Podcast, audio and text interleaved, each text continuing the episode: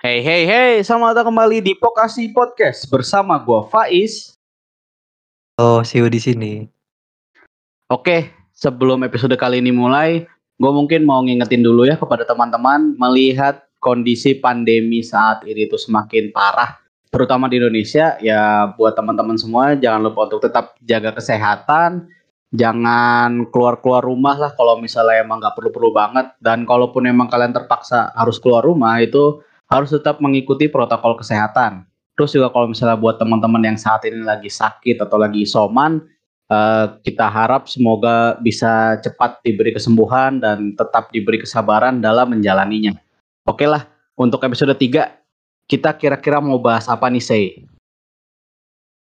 Oke, di episode 3 ini kalau misalkan kita balik lagi ke belakang ya, di episode 1 kan kita udah sempat bahas soal anime tapi spesifik di satu judul doang. Terus di episode kemarin, di episode kedua kita ngebahas soal game khususnya genre tertentu yang cuman spesifik itu juga cuman populer di Jepang. Nah, untuk di sini di episode ketiga kita bakal bahas hal yang lebih umum yang bisa masuk ke ya bisa dibilang masuk bisa masuk ke segala tempat, tapi kita di sini bakal difokusin untuk di dua sub tempat aja. Di, khususnya di manga sama di anime. Nah, di sini kita bakal nyoba untuk angkat soal pandangan gue dan Faiz tentang gimana sih uh, soal migrasi anime dan manga dari yang sebelumnya ilegal ke yang legal. Yap, jadi gua dan Seiyu untuk episode kali ini akan membahas tentang pandangan kami berdua mengenai migrasi anime dan manga dari yang awalnya ilegal menjadi legal. Tapi gue mau disclaimer dulu ya. Jadi di sini gue dan Seiyu itu bukannya ingin menggurui atau menjudge kalian yang sampai dengan saat ini masih mengakses anime dan manga secara ilegal ya. Tapi di sini mungkin kami akan lebih bercerita tentang pengalaman kami berdua karena memang sama-sama berangkat dari mengakses anime dan manga secara ilegal. Terus juga kami memang lagi berusaha juga untuk kalau emang bisa yang legal gitu, kenapa kita nggak migrasi aja ke yang legal gitu kan? Terus juga mungkin adanya pandangan-pandangan ataupun stereotip dari masyarakat Indonesia yang kita lihat gitu uh, tentang anime ilegal dan maupun uh, yang sudah legal gitu ya. Oke, mungkin untuk mengawalinya ya, gue pengen tahu dulu nih dari Seiyu nih pandangan lu sih tentang bagaimana sih transisi anime dan manga ilegal menjadi legal yang mungkin ini juga menjadi alasan kenapa akhirnya kita berdua itu memilih untuk mengangkat topik pembahasan kali ini. Uh, bicara soal pandangan ya, gue sendiri di sini punya dua macam dua sudut pandangan sih. Pertama, uh, pandangan secara dari tim kontra, sekaligus pandangan dari tim pro-nya juga. Contohnya gini, uh, kalau misalkan kita lihat dari sisi pro ya, untuk yang transisi dari legal, uh, kalau kita mikir secara bisnis otomatis kalau misalkan kita nonton atau mengkonsumsi baik itu anime atau manga secara legal, otomatis kan kita Ambil peran atau ikut berkontribusi dalam industrinya kan. Itu yang artinya berarti kita ngebantu baik di industri di Jepangnya juga, sama ngebantu untuk industri di sini juga kayak misalkan ada studio dari Indonesia yang ngebantu ke sana ataupun kayak semacam distribusi supaya si anime dan manga itu bisa masuk ke Indonesia. Tapi untuk kontranya juga sebenarnya ada karena dari munculnya transisi dari ilegal ke legal ini uh, munculin lagi bermacam-macam kayak ada yang punya pendapat kayak gini, ada yang punya pendapat A, ada yang punya pendapat B, terus muncul juga kayak semacam kubu-kubu kayak gitu. Sama uh, ada juga kayak pendapat buat apa sih kita pakai yang legal kalau misalkan kita bisa pakai yang eh sorry, buat apa sih kita pakai yang ilegal? Selama kita bisa pakai yang legal, tapi kenapa kita harus ngeluarin duit? Terus kenapa kita pakai yang legal? Karena itu ada yang gratis dan macam-macam lagi. Jadi kalau gue sendiri punya dua pandangan sih, baik itu untuk pro atau dan kontranya menarik ya ternyata si Seiyu nyebutin kalau dia tuh punya dua pandangan gitu kan. Ada yang pro terhadap migrasi dari anime dan manga ilegal menuju legal, terus juga ternyata ada yang kontra gitu kan. Tapi memang gua rasa hal itu juga yang terjadi di antara penggemar anime dan manga yang ada di Indonesia gitu kan. Sebenarnya kalau misalnya gue pribadi sih ya, yang menjadi alasan kenapa gue akhirnya pengen juga ngebahas topik kali ini itu karena gue memang melihat sekarang ini sudah mulai banyak kemudahan akses kita itu untuk menonton anime maupun membaca manga secara legal gitu kan. baik yang kalau misalnya manga ya, baik yang cetak maupun yang secara digital ya. Walaupun memang kalau misalnya manga ini kan uh, bisa dibilang jauh lebih mahal gitu. Soalnya memang kalau misalnya kita mau yang legal itu kita harus ngeluarin uang gitu kan, lumayan juga gitu dari segi harga mau yang terbitan Indonesia, mau yang terbitan Inggris ataupun yang memang yang asli Jepang gitu kan. Nah kalau misalnya anime sendiri yang gue lihat ada sih yang layanan streaming berbayar, tapi juga saat ini tuh udah mulai banyak yang menyediakan layanan streaming anime legal itu secara gratis dan apalagi udah mah ada beberapa platform juga dan animenya tuh update gitu untuk per musimnya. Jadi makanya uh, karena dengan adanya kemudahan akses ini, gue akhirnya juga berpikir gitu kan, kenapa kita nggak coba bahas aja gitu si apa ya mengenai migrasi kenapa gua juga akhirnya migrasi dari anime yang ilegal menuju ke legal gitu. Nah, mungkin untuk selanjutnya gitu gua dan Seyo akan mencoba bercerita tentang pengalaman kita pertama kali untuk transisi dari misalnya anime dan manga ilegal menuju legal dan apa sih alasannya kenapa akhirnya kita mau memulai untuk mencoba mengakses yang legal gitu. Coba dari lu dulu, Sei. Oke, pertama kali transisi dari ilegal ke legal atau mungkin supaya lebih gampang nyebutnya mungkin kita lebih umum mendengarnya uh, transisi dari bajakan ke original ya. Jadi mungkin agak kita kita coba pakai untuk sebutan itu aja, bajakan dan original. Tapi mungkin sebelum masuk ke kenapa sih gue bisa transisi dari bajakan ke original khususnya untuk anime sama manga ini, di sini gue mau coba sedikit bercerita dulu, di mana sih cerita ini tuh bisa dibilang jadi pondasi yang bikin gue transisi dari bajakan ke original. Uh, jadi ceritanya tuh gini, waktu beberapa tahun lalu, tepatnya di 2018, uh, gue tuh sempat ada uh, pemikiran kayak gini ya, gimana ya kalau misalkan kita nyoba untuk bereksperimen pakai suatu produk, tapi produk itu enggak kita pakai secara bajakan gitu, tapi kita pakai secara original. Original di sini tuh maksudnya secara 100 pen 100% penuh, gak ada bajakan gitu. Jadi nah, di waktu itu tuh gue nyoba bereksperimen untuk ngapus semua file-file crack-an ataupun anime bajakan yang ada di laptop, semuanya gue hapus. Terus laptopnya gue install ulang, gue install Windows Ori, terus software-software yang juga gue ganti semua pakai yang Ori. Biarpun masih pakai yang gratis. Nah, di situ dari tahun 2018 sampai 2019 sekitar satu setengah tahun tuh gue uh, nyoba terus untuk pakai si uh, settingan full original ini dan ternyata setelah gue coba pakai awalnya yang ada keluhan ketika kita misalkan kalau misalkan kalian pakai Windows kan pasti ada keluhan di mana ah Windows berat, lemot, sering kena virus, sering ngehang. Nah, itu tuh ternyata muncul ketika kita pakai si Windows ini secara bajakan gitu. Maksudnya secara bajakan di sini bukan bajakan dari OS-nya aja, tapi bajakan dari si aplikasi-aplikasi lain yang dipakai.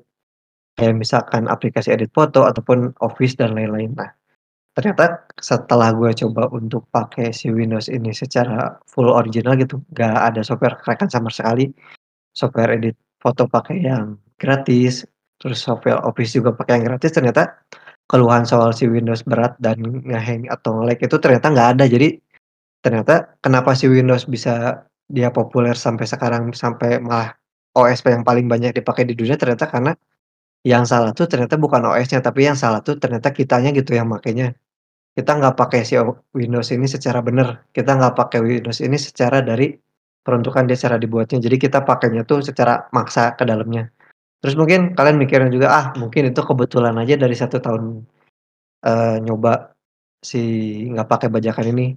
Gue bisa bilang itu nggak bener, karena gue tuh nyoba di perangkat yang sama, di laptop yang gue beli di 2014, masih gue pakai sampai sekarang.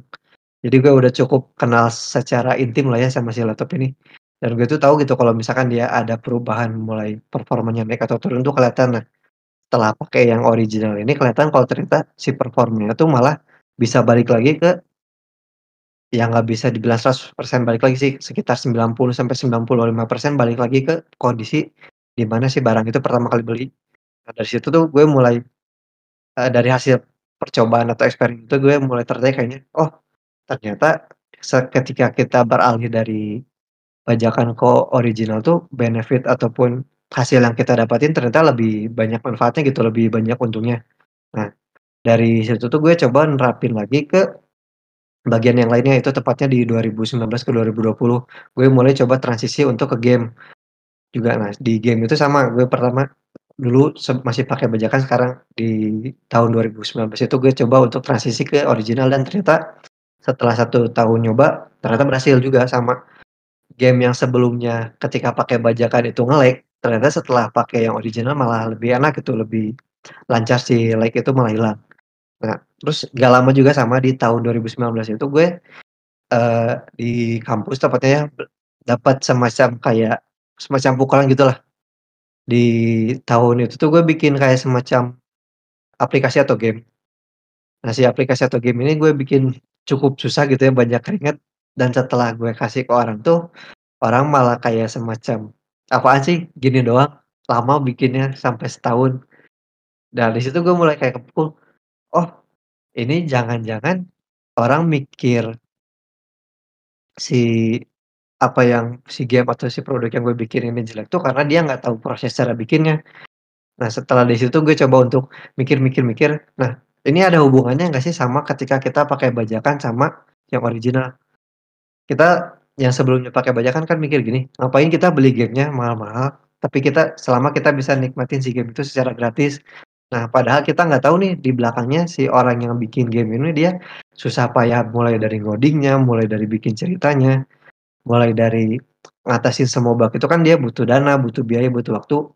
Jadi kayak semacam, eee, di saat itu gue muncul pukulan, lah gimana caranya, eee, apa produk atau karya yang gue bikin ini bisa dihargai sama orang lain, sementara diri gue sendiri tuh nggak ngehargain produk orang lain, masih pakai semacam ya bajakan itu, bajakan tadi, masih pakai atau ngebajak dari si produk yang dihasilin sama orang lain.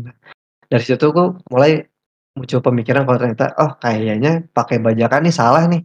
Nggak selain kita nggak ngehargain si orang yang bikinnya tadi, kita juga bisa dibilang ketika kita ngebajak suatu game, anggaplah kita ngebajak suatu game yang harganya, eee, Rp800.000. Nah, si Rp800.000 ini kan didistribusi nanti sama publisher-nya untuk pegawai-pegawai dari si developer-nya. Kalau di mana kalau kita tarik lagi ke belakang, si developer ini dia punya keluarga. Keluarga dia kan perlu dinafkahi, perlu dikasih uang untuk bayar sekolah, untuk makan. Nah, kalau kita ngebajak si game ini, otomatis kan kita ibaratnya nggak ngasih mereka, eee, uang gitu ya, untuk mereka makan, untuk mereka bertahan hidup, terus untuk mereka mengembangin si game itu ke depannya. Nah, dari situlah gue muncul, eee, ada pandangan kalau ternyata si bajakan ini salah. Nah, terus balik lagi ke soal, eee, manga sama anime. Nah, kalau untuk manga sama anime pertama kali gue mulai itu di 2019 khususnya untuk manga. Cuman nggak masuk ke manga sih sebenarnya karena di 2019 tuh gue sempet dapet kayak semacam kejenuhan gitu ya, tapi mungkin ini bakal dibahas di topik yang lain. Jadi gue tuh kayak semacam udah mulai bosen sama manga.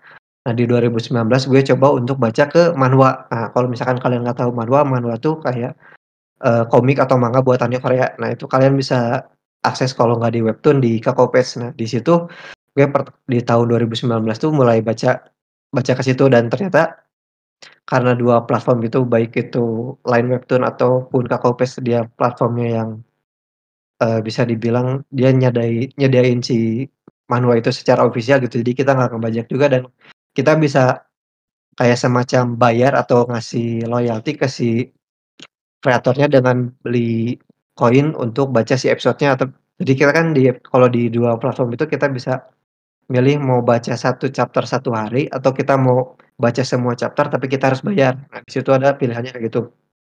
Nah, untuk pertama kali transisi dari transisi khususnya untuk ke manga atau bacaan komik tuh pertamanya gue mulai di situ di 2019, cuman gue berhentinya tuh berhenti baca manga dan pindah ke ke manhwa. Nah, tapi kalau untuk anime sendiri, pertama kali gue transisi itu di tahun 2020 kemarin, ketika pandemi lagi naik-naiknya nih, gue tuh malah nyoba untuk transisi dari sebelumnya pakai anime bukan pakai sih, nonton anime bajakan ke nonton anime yang original. Nah, di situ tuh mungkin kelihatannya agak aneh ya ketika orang lagi susah-susahnya dapetin pendapatan gitu ya, gue malah nyoba untuk nikmatin anime origin anime original yang di mana secara yang kita tahu kalau misalkan kita mau nonton anime secara original kan kita antara kalau nggak langganan TV kabel ya subscribe suatu layanan di mana itu harus bayar. Nah, untungnya tuh di tahun 2020 tuh muncul uh, semacam grup distribusi yang mungkin kalian kenal dengan sebutan Muse Group yang mereka bikin uh, supaya kita bisa mengakses anime secara original secara gratis gitu. Mereka ngedistribusinya itu di platform-platform yang nyediain anime secara gratis. Baik itu di ada platform streaming lain kayak misalkan ada Iki, ada Catchplay dan lain-lain. Terus mereka juga nggak distribusin di YouTube. Nah, karena di 2020 itu kebetulan si Muse ini muncul gitu ya, dia ibaratnya turun dari langit ke bumi untuk kasih tahu nih kalian di kala pandemi ini nonton anime secara gratis dan legal bisa ngedukung uh, apa namanya studionya. Nah di situ gue mulai nyoba nyoba nyoba dan ternyata emang setelah nyoba tuh dapat nih kehook banget di si anime original yang di kasih atau disuguhin sama si Muse ini baik yang di mereka suguhin secara di platform gratis ataupun di platform berbayar. Paling kayak gitu aja sih kalau misalkan cerita uh, pengalaman pertama kali gue transisi dari ilegal ke legal atau dari bajakan ke original. Kalau dari lu sendiri kayak gimana Is? Wah gila sih lu say. Sampai kepikiran loh itu penggiat industrinya tuh punya keluarga dan harus menafkahi keluarganya kalau misalnya kita nggak beli secara resmi gitu atau secara originalnya tuh bisa menyusahkan mereka gitu. Gue aja nggak kepikiran sampai situ loh, gokil sih. gue sih jujur aja ya kalau misalnya untuk transisi pertama kali uh, nonton anime ataupun baca manga secara legal atau secara resmi gitu kan.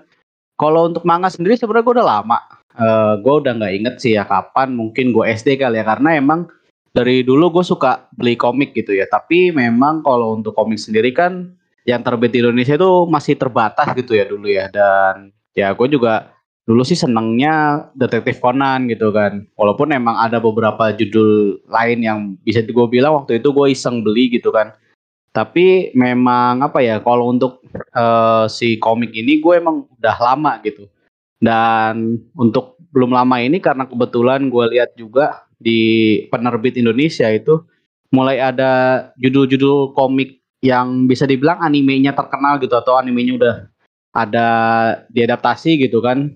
Nah uh, itu juga akhirnya gue mempertimbangkan untuk oh ya udahlah gue akhirnya mulai mengeksplorasi judul-judul komik lain yang akhirnya gue beli secara resmi gitu yang emang terbit di Indonesia. Oh ya tapi itu untuk yang fisik gitu ya. Komik yang fisik. Nah sementara kalau misalnya komik digital pun gue beli gitu kan.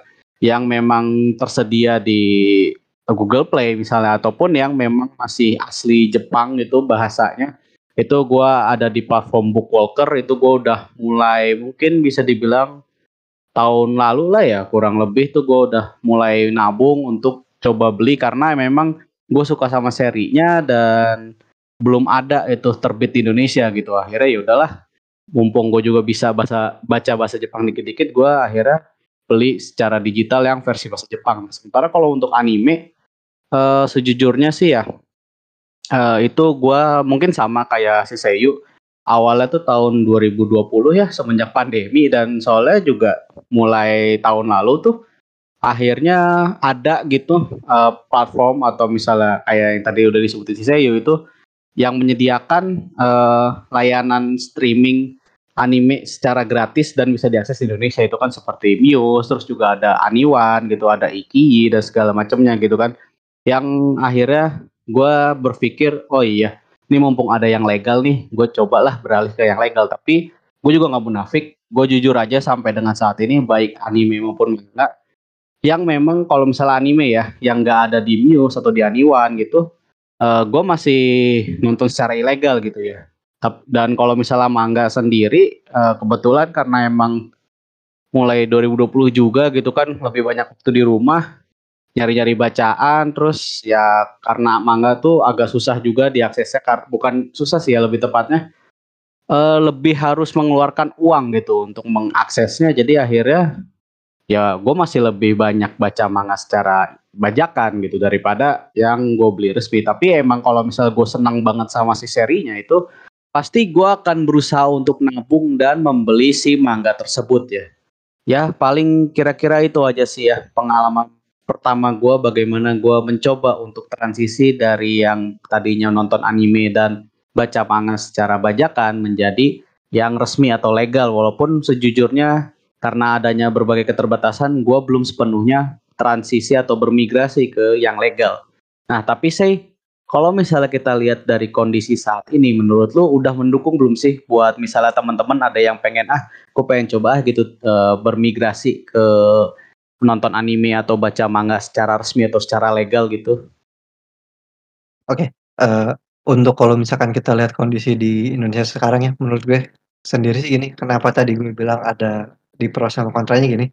Karena kalau misalkan kita lihat di Indonesia ya, khususnya untuk yang dari sisi pro Nah, kalau misalkan, uh, kalian termasuk tipe orang yang cuma nonton sekitar ya 3 sampai 5 judul lah ya setiap setiap satu musimnya, 3 sampai 5 judul anime maksudnya. Mungkin kondisi dari adanya platform yang nyediain anime secara legal di Indonesia tuh udah ngebantu sekarang ya. Jadi kita nggak cuma bisa nonton anime ini harus bayar untuk nyewa si platformnya kayak misalkan Netflix atau Crunchyroll kayak gitu, ya kita bisa milih opsi lain kayak misalkan nonton di IG atau nonton di YouTube lewat Muse atau lewat Anyone kayak gitu. Nah itu untuk dari sisi pro-nya ya. Jadi kita ada kemudahan nih bisa nonton anime secara gratis ataupun secara berbayar dan itu legal gitu resmi udah didistribusin secara langsung juga terus disetujui disetujui secara hukum. Terus kita juga kan dari uh, yang kita lakukan ini kita otomatis berkontribusi untuk mendukung industrinya terus ngebantu juga supaya si industri industri anime itu bisa uh, masuk lagi ke Indonesia terus berkembang lagi di Indonesia sama ngebantu juga studio-studio lokal Indonesia yang ngambil uh, ngambil eh ngambil andil atau ikut terlibat di suatu judul anime. Kalau misalkan kalian lihat di beberapa judul anime kan ada gitu ya di kreditnya ada studio asal Indonesia ada orang Indonesia terus ada juga ya macam-macam lah yang sumbernya dari Indonesia yang ikut terlibat dalam pembuatan anime itu.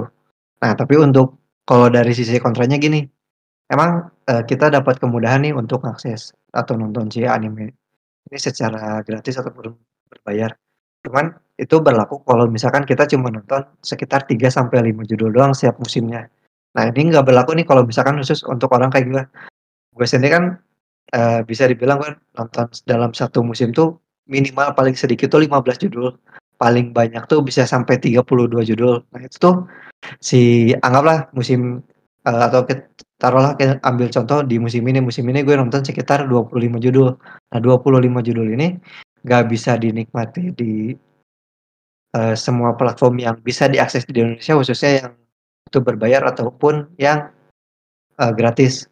Karena beberapa tuh nggak bisa dibilang apa ya nggak nggak dikasih akses sama Jepang untuk ditayangin di Indonesia karena nggak dikasih lisensinya gitu, terus nggak dapat persetujuan juga untuk tayang di Indonesia. Kayak contohnya, uh, kalau misalkan lihat, uh, apa ya, musim ini tuh ada, uh, ada Madoka Magica yang season 2, tapi yang alternatifnya itu nggak masuk ke Indonesia, nggak bisa nggak didistribusin sama pihak mana pun di Indonesia karena lisensinya nggak dikasih sama pihak Jepang.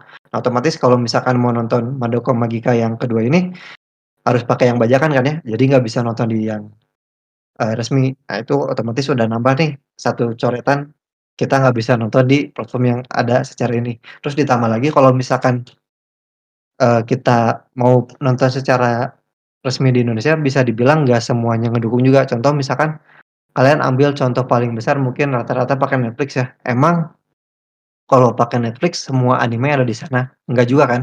Terus emang Netflix lebih worth it buat yang nonton anime atau yang nonton film secara umum. Kalau menurut gue pribadi sih Netflix tuh lebih worth it buat orang yang nonton film secara umum gitu, bukan yang nonton anime. Kalau misalkan kita mau nonton anime yang worth it tuh menurut gue lebih worth it pakai Crunchyroll. Cuman masalahnya Crunchyroll ini kan dia uh, di Indonesia dia nggak punya representatif. Terus juga kalau kita nonton pakai IP atau provider Indonesia kita cuma bisa nonton beberapa judul doang dan judul tersebut tuh bukan judul yang lagi tayang sekarang malah judul-judul lama kayak misalkan Naruto, terus Bleach kayak gitu. Nah, kenapa sih di Crunchyroll itu nggak bisa ditonton di Indonesia? Karena Crunchyroll ini dia nggak ngurus untuk lisensi tayang di Indonesia. Ditambah lagi bagi Crunchyroll tuh Indonesia tuh belum termasuk bisa dibilang pasar yang utama lah ya. Masih di pikiran mereka tuh oh orang Indonesia masih stereotipnya tuh nonton tuh masih bajakan gak nonton original. Itu kenapa mereka nggak ngurus lisensi untuk nayangin anime secara legal di Indonesia, terus nggak ngebuka juga eee, istilahnya tuh region lock supaya kita bisa nonton di Indonesia. Jadi otomatis kalau kita pakai yang, eee, legal atau yang original malah susah gitu, malah sedikit pilihan untuk nonton animenya. Kalau misalkan tadi itu kalian termasuk, eee, orang yang nonton lebih dari 10 judul setiap musimnya. Nah itu untuk yang kontranya. Kalau dari gue sih kayak gitu sih. Misalkan kalau dilihat dari sisi yang pro ataupun yang kontranya. Kalau dari lu sendiri kayak gimana, Is?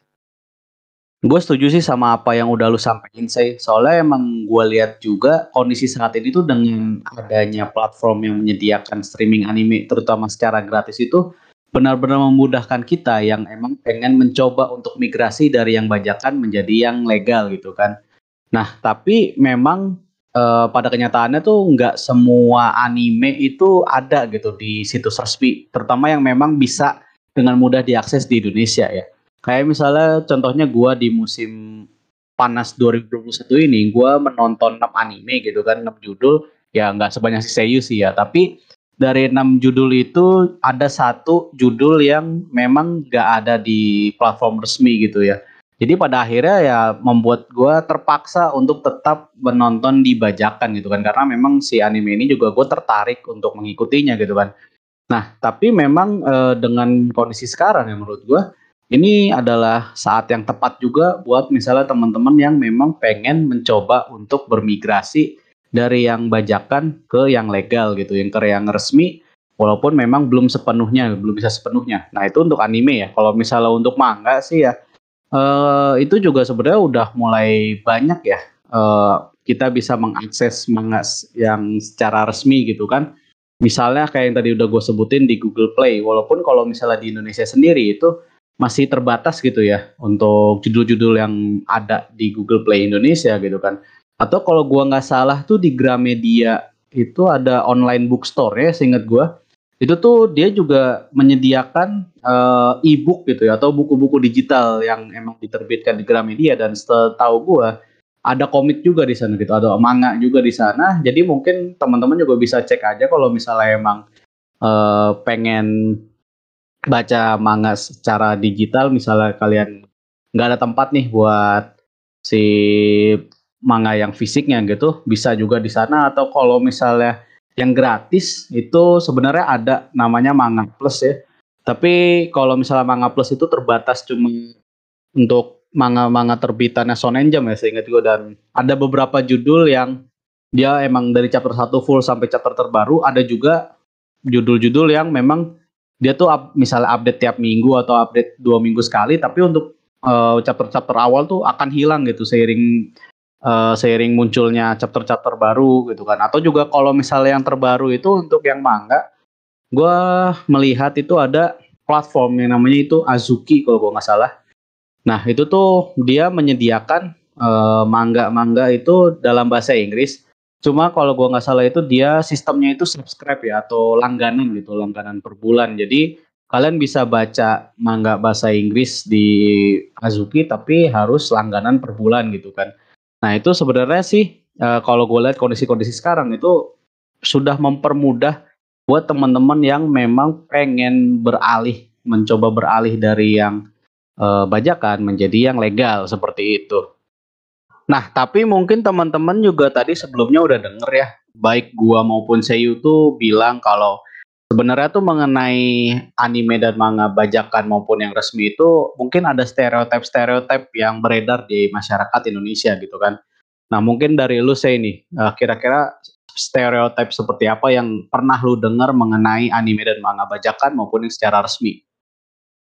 Uh, kalau misalkan ngomongin soal stereotip yang pernah gue lihat di masyarakat umum sih, yang paling sering sih kayak gini, karena mungkin kita dulu waktu terutama yang lahir di era 90-an mungkin ya, yang besar di era 2000-an awal kan kita uh, bisa dibilang tumbuh bareng sama uh, channel Indosiar, LaTV, terus uh, apa lagi dulu ya, Space Tune kayak gitu yang di mana kita bisa dapat suguhan anime ataupun kartun tuh secara gratis terus didapatnya juga kita secara nonstop kan ya. Eee, bisa kita akses eh, bukan bisa kita akses, tapi bisa kita lihat terus-menerus gitu. Ditambah lagi, kadang juga ada yang tayang di satu harinya tuh nggak cuma satu episode, tapi ada beberapa episode. Nah, mungkin dari situ mungkin ya karena kita udah biasa dulu waktu di TV disuguhinnya secara gratis dan bisa dapat banyak itu, ketika ada opsi pilihan yang resmi dan berbayar ini mungkin bany masih banyak orang yang mikir, "Lah, kenapa kita harus bayar? Kan dulu juga kita dapat untuk nonton bisa gratis gitu, kenapa sekarang malah dibikin ribet harus bayar?" Nah, mungkin salah satu stereotip yang ada tuh kayak gitu ya, kita tuh masih belum biasa bayar untuk mendapatkan sesuatu gitu. Mungkin kalau misalkan kalian yang dulunya, eee, tumbuh di era 2000-an awal tapi udah pakai TV kabel mungkin beda cerita ya, karena di TV kabel juga kan ada tuh ya channel khusus yang nayangin anime dan emang kalian udah bayar gitu buat dapat akses itu. Tapi kalau misalkan dilihat kan nggak banyak orang yang pakai TV kabel juga dulu, lebih banyak yang pakai antena biasa, lebih banyak yang nonton di channel lokal juga. Itu sih kalau misalkan untuk dari yang pernah gue lihat, sekarang ketika kita lihat, eee, ada orang yang pakai resmi itu harus bayar. Nah, tapi dari sisi lain juga ada lagi yang lain kan nggak semua yang oh resmi itu harus bayar nih. Kayak contohnya kalau kita nonton di Muse ataupun di ya bisa dibilang semua anime yang dis sama Muse Company, baik itu di YouTube ataupun di Iki dan lain-lain, itu kan kita bisa ngakses secara gratis bisa kita tonton tanpa harus ngeluarin dana lah ya, ibaratnya cuma dana buat beli kuota atau numpang WiFi tetangga doang. Nah, di situ juga sebenarnya malah muncul, eee, kayak semacam, apa ya gue yang nyebutnya, karena mungkin kita balik lagi mungkin ya, karena mungkin kita di TV Indonesia dibiasain tuh, ada tayangan tuh 1 episode 1 hari mungkin ya. Di situ gue sempat pernah nemu nih di Muse, khususnya di channel YouTube-nya tuh ada yang komen, eee, "Upload-nya jangan 1 hari 1 episode dong, 1 hari 10 episode," eee, ada yang sampai bilang gitu. Nah, terus ada juga yang bilang, "Lah, kenapa diinformasiin dapat lisensinya di YouTube, tapi ditayanginnya nggak di YouTube?" Nah, mungkin di sini, eee, ada kayak semacam orang tuh nggak ngerti gitu, kenapa sih ditayanginnya tuh sehari cuma 1 episode, terus kenapa ditayanginnya tuh nggak di YouTube semua gitu, dibagi-bagi ke channel yang lain. Mungkin di situ masih banyak orang yang belum tahu, kayak contohnya kenapa ditayanginnya seminggu 1 kali, karena emang kalau di setahu gue ya di Jepang tuh mau a itu anime atau film, umumnya mereka tayangnya ya seminggu 1 kali, atau kalau misalkan kalian yang suka nonton drama Korea kan umumnya mereka kalau nggak seminggu 1 kali, seminggu 2 kali tayangnya. Nah, sementara kalau misalkan di Indonesia kan beda ya, kalau misalkan kalian orang-orang yang suka nonton FTV atau sinetron kan itu emang 1 episode tiap hari gitu. Nah, mungkin kita biasanya di situ karena disuguhinnya tuh 1 episode 1 hari. Cuman kalau misalkan ada yang komentar yang lain kayak misalkan tadi ngomong, "Lah, kok dipromosiinnya di YouTube tapi didistribusiinnya ke yang lain?" Nah, mungkin di sini, eee, banyak yang belum tahu juga kalau misalkan nggak semua eee, lisensi itu bisa dipakai di semua tempat gitu, kayak contohnya apa yang Muse bisa sajiin di YouTube tuh karena emang sesuai dengan ketentuan yang dikasih sama YouTube-nya, terus ketentuan dari pihak Jepangnya yang ngasih lisensi animenya juga. Kalau misalkan, "Oh, judul ini boleh tayang di YouTube, eee, karena nggak terlalu ada konten kekerasan, nggak terlalu ada konten seksual dan lain-lain." Tapi, "Oh, yang ini nggak bisa tayang di YouTube nih karena misalkan" eee, terkait misalkan ada regulasi dari YouTube-nya atau yang lain. Apa, eee, yang bikin gue agak cukup kaget sih, ketika mulai maraknya dari resmi ke eh, dari ilegal ke resmi ini, malah muncul kayak semacam eee, kubu atau orang-orang yang ibaratnya tuh kayak ngerusak hype gitu. Kayak contohnya mungkin kalian kemarin tahu Attack on Titan gitu ya. Itu mungkin kalau orang yang udah nonton dari season 1 terus udah nungguin nungguin nungguin, mereka tuh udah excited gitu. Tapi ketika animenya tayang malah keganggu sama orang-orang yang baru tahu Attack on Titan, baik itu dari TikTok atau misalkan dari karena dia ada di, eee, media streaming yang dia langganin kayak gitu.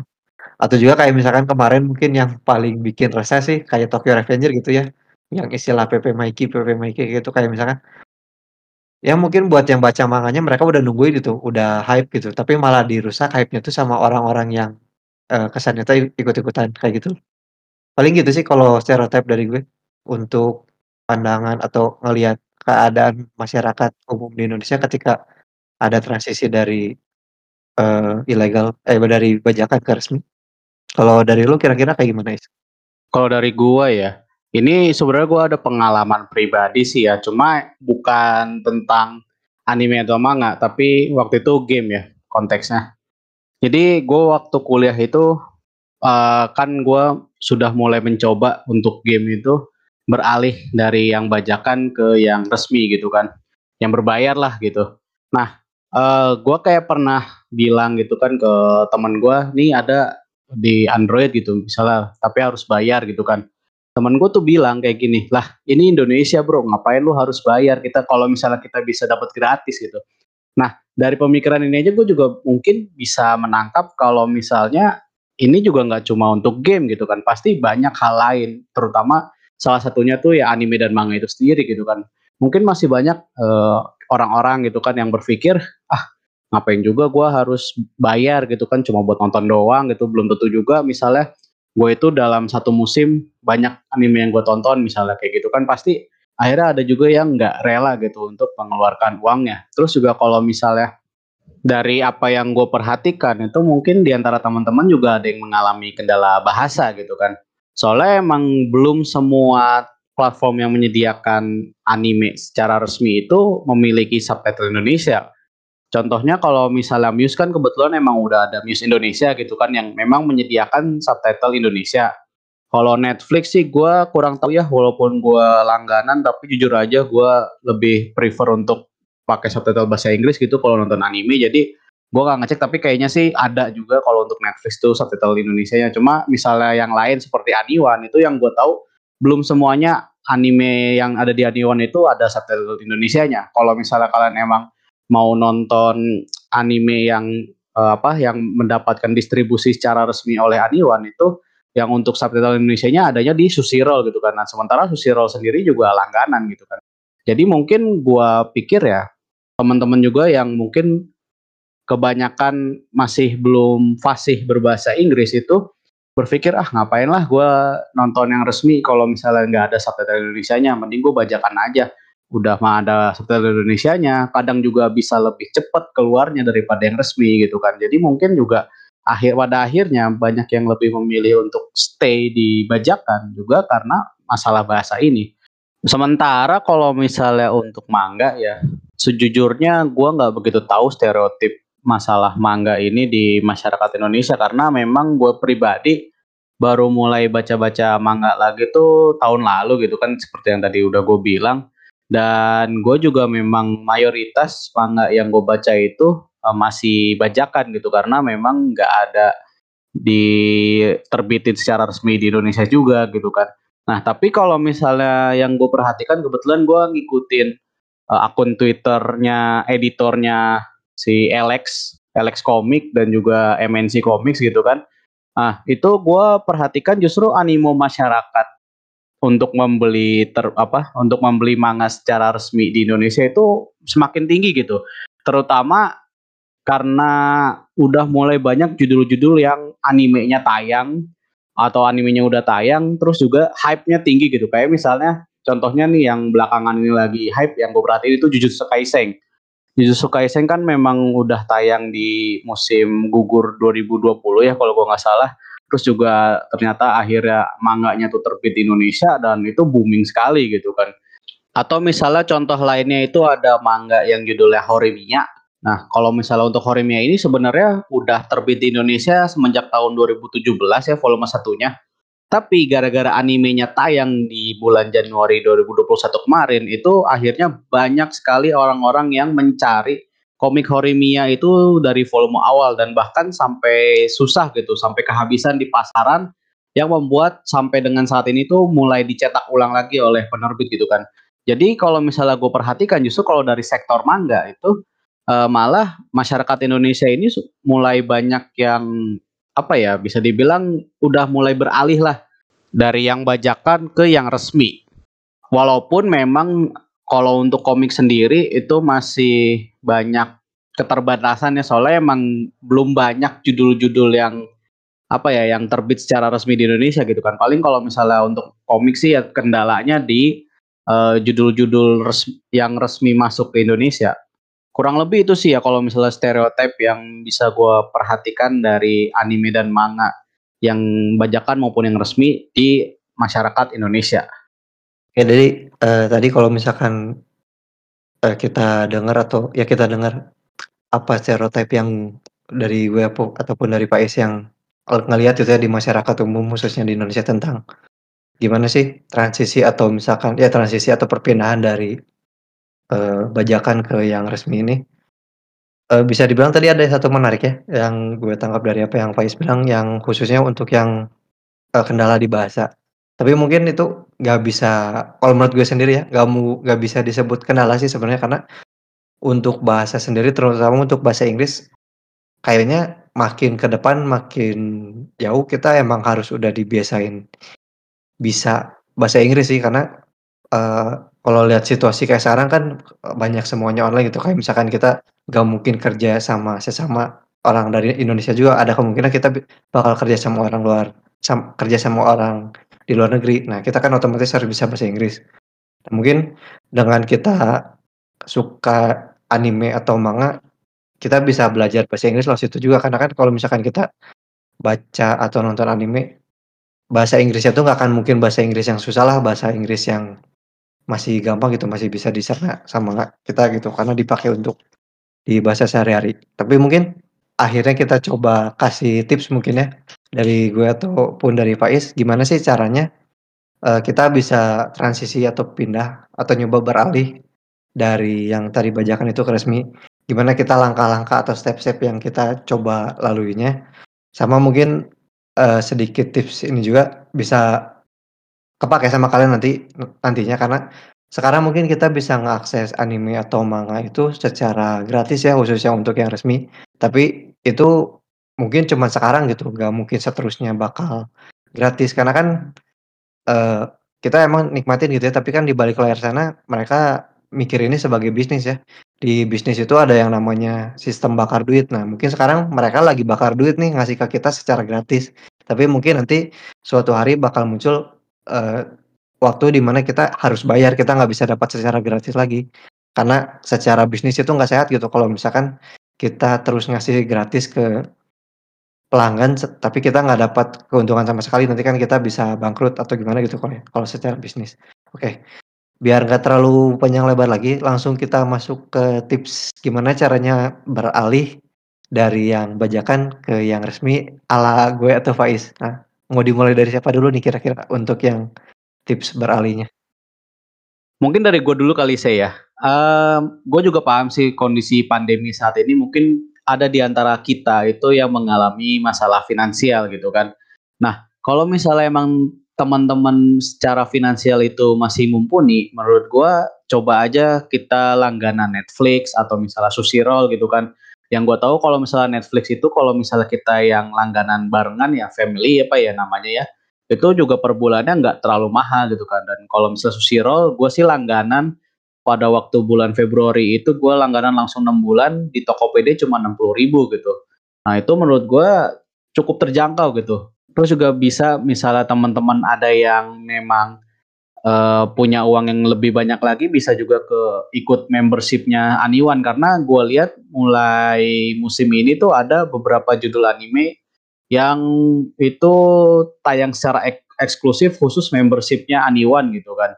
Nah itu juga mungkin bisa menjadi opsi kalau misalnya teman-teman emang anime yang kalian ikutin ada di Aniwan dan pengen membershipnya supaya nggak ketinggalan, nah itu mungkin bisa juga. Tapi kalau misalnya emang teman-teman yang secara finansial itu kurang mumpuni gitu untuk langganan yang berbayar, ini kan emang dari tadi juga gua sama Seyu udah nyebutin kalau misalnya banyak yang menayangkan secara gratis gitu kan.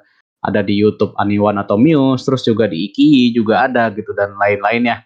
Itu menurut gua ya kenapa nggak dicoba aja gitu untuk uh, nonton secara resmi. Toh kita juga nggak rugi gitu kan dan emang nggak ribet juga kalau misalnya nonton di YouTube ya udah gitu kita tinggal cari channelnya langsung tonton kalau misalnya di Iki pun uh, tinggal install aja misalnya aplikasinya di HP gitu kan itu juga nggak ribet gitu kalau untuk komik sih ya. Eh sebenarnya kalau untuk komik misalnya gua nih, gue emang kebetulan punya jiwa kolektor juga, gue suka koleksi barang. Nah, uh, terutama buku ya. Buku tuh gue ibaratnya rela lah keluar duit gitu kalau misalnya emang buku yang gue suka gitu kan. Jadi ya se sebenarnya caranya sih nabung gitu kan. kita nabung dan kalau misalnya emang seri komiknya ini kita suka banget ya gue yakin pasti akan ada keinginan untuk mengkoleksi si komiknya ya nggak cuma dikoleksi ya pastinya dibaca juga dong. Nah kalau misalnya tapi kalian kurang apa ya secara finansial itu untuk membeli komik yang baru terbit itu uh, kurang gitu nggak nggak cukup bisa juga cari-cari komik yang bekas gitu. Misalnya nih gue mungkin sedikit promosi gitu ya. Kebetulan gue ada toko di Tokopedia namanya Reunion Store R I Y U U N Y A N store-nya mas store toko gitu kan gue jual komik-komik bekas koleksi pribadi gue gitu kan. Nah sebenarnya yang toko-toko seperti itu juga bisa jadi opsi kalian. Misalnya kalian memang ingin mengkoleksi komik-komik uh, yang resmi terbit di Indonesia ataupun mungkin yang uh, resmi tapi bahasanya Inggris atau Jepang gitu.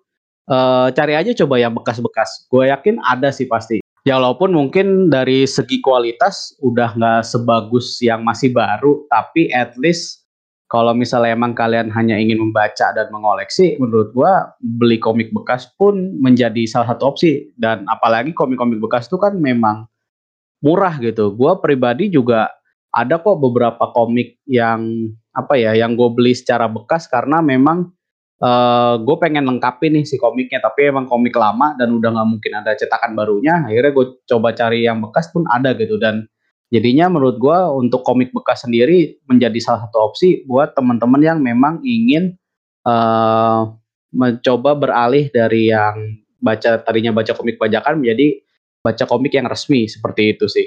Kalau lu gimana sih? Oke, uh, kalau dari gue mungkin dibikinnya dikelompokin secara dari tingkat kemampuan, uh, duit kali ya.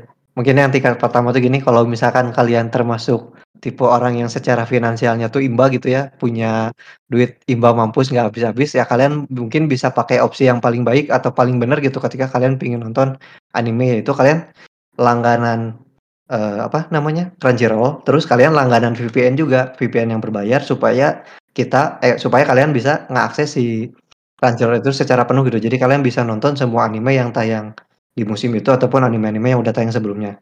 Itu untuk yang opsi pertama. Nah, untuk opsi yang kedua khusus untuk kalian yang masih uh, ibaratnya masih masih kayak gini lah masih minta duit ke orang tua kayak misalkan mah minta duit buat subscribe uh, apa gitu ya. Nah, kalian mungkin bisa pakai coba opsi yang ini, kan kalau misalkan kalian lihat, semua ada banyak platform nih yang mereka nyediainnya tuh secara hybrid ya, mau bayar atau gratis. Kayak misalkan contohnya di Iki, kalian bisa pakai yang gratis ataupun yang berbayar, ataupun mungkin di Aniwan juga sama kan ya, kalian bisa milih pakai yang gratis atau kalian mau daftar jadi membership mereka. Nah mungkin untuk bagi kalian yang masih minta duit ke orang tua atau masih bisa dibilang finansialnya masih kurang, masih belum masih belum uh, ada uang lebih untuk subscribe mungkin kalian bisa pakai tips yang ini di mana kan si platform tuh ada banyak nih. Nah, kalian coba nih satu-satu. Setiap misalkan di satu musim kalian nyoba lima platform, terus musim berikutnya nyoba platform yang lainnya. Nanti kan kalian di situ bakal nemu nih, oh, gue cocoknya ternyata di platform A. Nah, nanti kalian tinggal pelajari lebih dalam nih si platform A ini misalkan ambil contoh uh, apa ya? Netflix misalkan. Nah, kalian pelajari nih, oh di Netflix tuh dia setiap musimnya tayang anime yang kayak gini, terus mereka punya library anime yang kayak gini.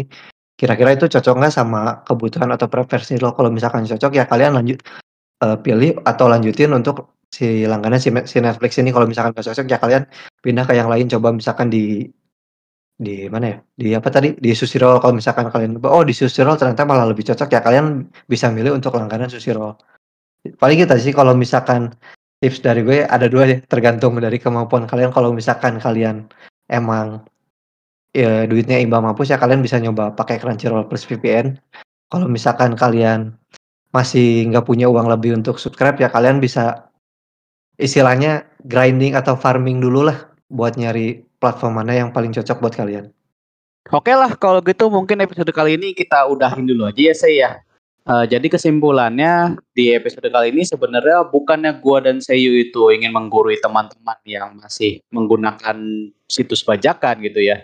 Tapi di sini gua dan Seyu pengen berbagi pengalaman dan juga mungkin pandangan kenapa akhirnya kami berdua itu mulai mencoba untuk beralih gitu atau bermigrasi dari yang awalnya nonton anime dan baca manga secara bajakan menjadi yang resmi gitu kan. Terus juga mungkin di antara teman-teman ada yang sebenarnya pengen gitu, ah gue pengen coba pindah gitu kan dari yang tadinya bajakan ke yang resmi, tapi gue nggak tahu nih ada di mana sih platformnya untuk membaca atau menonton yang resmi. Nah di sini kita juga ingin berbagi uh, pengetahuan gitu kan, uh, platform-platform mana aja yang memang menyediakan yang menyediakan anime dan manga secara resmi, baik yang gratis maupun yang berbayar. Semoga uh, kita di sini bisa membantu teman-teman semuanya. Ya, betul banget tuh. Sekarang kan udah banyak nih pihak dari luar yang masukin anime sama manga supaya bisa diakses di Indonesia secara resmi, baik itu mau yang gratis ataupun yang harus berbayar. Uh, di sini kalau misalkan kalian dengar tadi emang uh, step-stepnya agak panjang gitu ya, supaya kita bisa beralih dari bajakan ke apa yang resmi ini. Emang nggak bisa langsung secara hari ini mau langsung transisi ke yang resmi nggak bisa kayak gitu. Kalau kalian dengar tadi kan gue aja butuh waktu 1 sampai 2 tahun supaya bisa beralih dari bajakan ke original kan ya. Jadi di sini ya ibaratnya dari setelah dengar ini kalian bisa secara tipis-tipis lah mulai coba untuk terjun atau nyoba ke si yang platform yang resmi nyediain secara resmi dan original ini. Sama mungkin untuk penutup terakhir di sini gue mau ada satu kata sebenarnya yang buat gue mungkin buat Pais juga uh, sempat jadi kayak apa ya namanya dorongan su supaya kita bisa beralih dari bajakan ke yang resmi. Di sini ada satu kata yang sering diucapin sama uh, abang kita Bang Dito dari anak tua yang di setiap video selesai dari video YouTube-nya Bang Dito suka ngomong kayak gini play original bangga main original dan jangan lupa bersyukur tapi mungkin karena kita di sini konsepnya di anime sama manga ya, uh, kita, uh, tetap baca atau nonton yang original atau yang resmi, uh, sedikit-sedikit nggak apa-apa, yang penting kita bangga karena kita udah nyoba ngeluarin semampu kita. Oke lah kalau gitu sampai jumpa lagi di episode berikutnya. Gue Faiz. See you cabut. See you again and have a nice day.